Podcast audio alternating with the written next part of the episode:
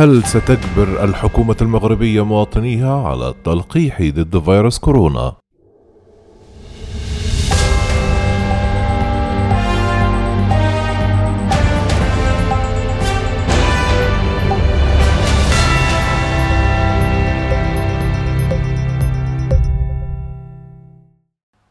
يستحوذ موضوع التلقيح ضد فيروس كورونا على حديث المغاربة هذه الأيام خاصة أمام انتشار أخبار متضاربة حول إجباريته على وقع إشاعات كثيرة تغذيها نظرية المؤامرة في العديد من الحالات وتزيد من توسيع انتشارها على مواقع التواصل الاجتماعي. وتستعد المملكة المغربية لإطلاق حملة تلقيح وطنية وتدعو مواطنيها إلى الانخراط الواسع فيها. إلا أنها تواجه دعاية مضادة في مقدمة عناوينها أن الحكومة ستفرض التلقيح على مواطنيها فهل هذا صحيح؟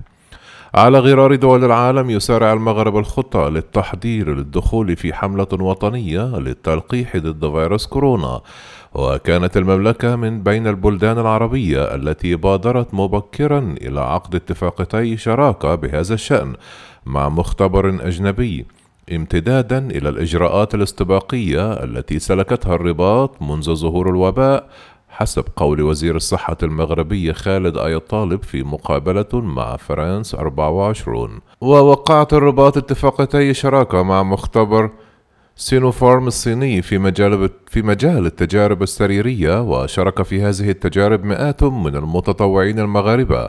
وحسب وزير الصحة المغربي فالمملكة بدأت العمل على اللقاح منذ شهر إبريل نيسان المنصرم وركزت على لقاحين أولهما صيني وأبرمت شراكة مع الشركة الصينية المصنعة له لنقل الخبرة علما بأن المغرب يشارك لأول مرة في تجارب سريرية للقاح. لكن الرباط لم تكشف بعد استراتيجية متكاملة الجوانب حول حملة التلقيح التي تنوي إطلاقها حتى تعطي فكرة واضحة للمواطن عن خطواتها المقبلة بهذا الخصوص بما في ذلك موعد انطلاقها الشيء الذي يثير العديد من التساؤلات لدى المواطن في مقدمتها هل التلقيح إجباري أم لا؟ لقد كان تصريح وزير الصحة المغربي خالد آي طالب واضحا حول إجبارية التلقيح إذ أكد في مقابلة مع فرانس 24 أنه ليس هناك أي دولة يكون فيها التلقيح إجباري. هو لقاح بالتطوع لكن هناك جائحة ومن الواجب الانخراط في الحملة لتحقيق التمنيع الجماعي ولذلك لا يكون إلا بتلقيح ما يزيد عن 60% من السكان.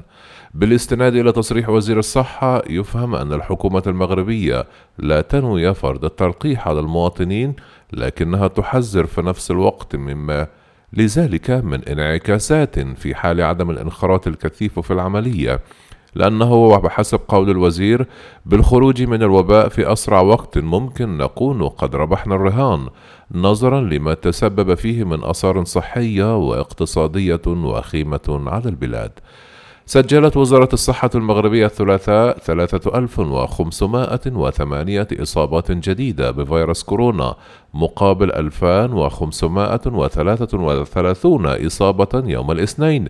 ليرتفع العدد الإجمالي للإصابات بالمملكة إلى 359844 وحسب بيان صادر عن الديوان الملكي في وقت سابق فهدف الحملة المنتظرة تسعى لتأمين تغطية للسكان بلقاح كوسيلة ملائمة للتحصين ضد الفيروس والتحكم في انتشاره. ولهذا بعد أن أثبتت نتائج الدراسات السريرية المنجزة أو التي هي قيد الإنجاز سلامة وفعالية ومناعة اللقاح. وأمام التحذيرات الحكومية لإطلاق حملة التلقيح في المملكة يعيش الشارع المغربي نوعا من الحيرة تفرزها مخاوف ناجمة عن انتشار نظريات المؤامرة والترويج لها في مواقع التواصل الاجتماعي والتي ترمي تحديدا إلى التشكيك في عملية التطعيم والقول بأن الحكومة تنوي إجبار المواطن على التلقيح. كتب موقع هيسبريس المغربي بهذا الشأن لم يقتنع مغاربة كثر بجدوى اللقاح الحالي انسجاما مع تشكيكهم الأولى بشأن وجود فيروس كورونا ليتجدد هذا الشعور ويكرس نظرية المؤامرة إذ يشك البعض في وجود شريحة أو تحولات جينية قد يسببها اللقاح بإعاز من الدول الكبرى. واستغل البعض هذا الوضع لنشر وثيقة غير صحيحة تتحدث عن مشروع قانون الغرض منه إجبارية التلقيح، إلا أن جهات حكومية كذبته في الحين عبر وسائل إعلام محلية، وأكدت يومية الصباح استنادا إلى مصدر وصفته بالموثوق على عدم صحة هذه الوثيقة وعدم وجود مشروع قانون بهذا المحتوى في إشارة منها إلى مضامينها الزائفة لافتة حسب نفس المصدر إلى أن ما يتم تداوله يدخل في إطار الأخبار الزائفة. يسود نوع من الارتباك بخصوص الإعلان عن تاريخ بدء عملية التلقيح، فوزير الصحة المغربي أكد في مقابلة مع فرانس 24 أن الموعد لم يحدد بعد، لكن أحد الأطباء الذين سيشاركون فيها أعلن أنها ستنطلق في الدار البيضاء في الرابع من الشهر الجاري. واعتبر الإعلام المغربي الطاهر الطويل في مقال على صفحة القدس العربية اللندية أن وزير الصحة المغربي يتكتم على التاريخ المضبوط لانطلاق عملية التلقيح وكأنه سر من أسرار الدولة. وجاء في تقرير إعلامية أن ينتظر أن تستهدف المرحلة الأولى من التلقيح خمسة ملايين شخص. تتجاوز أعمارهم الثامنة عشر سنة وسيكون المستفيد الأول من العملية الموجودون في الجبهة الأمامية في الحرب ضد الفيروس. ويقصد بذلك موظفو قطاع الصحة إلى جانب السلطات العمومية والشرطة دون إغفال العاملين في قطاع التعليم كما ستشمل هذه المرحلة الفئات الهشة التي تعاني من أمراض مزمنة وكبار السن. وقد يواجه الرافضون للتلقيح من المغاربة صعوبات في الوصول إلى مؤسسات أو خدمات معينة في حال ما تمت مطالبتهم بوثيقة التلقيح كشرط لذلك.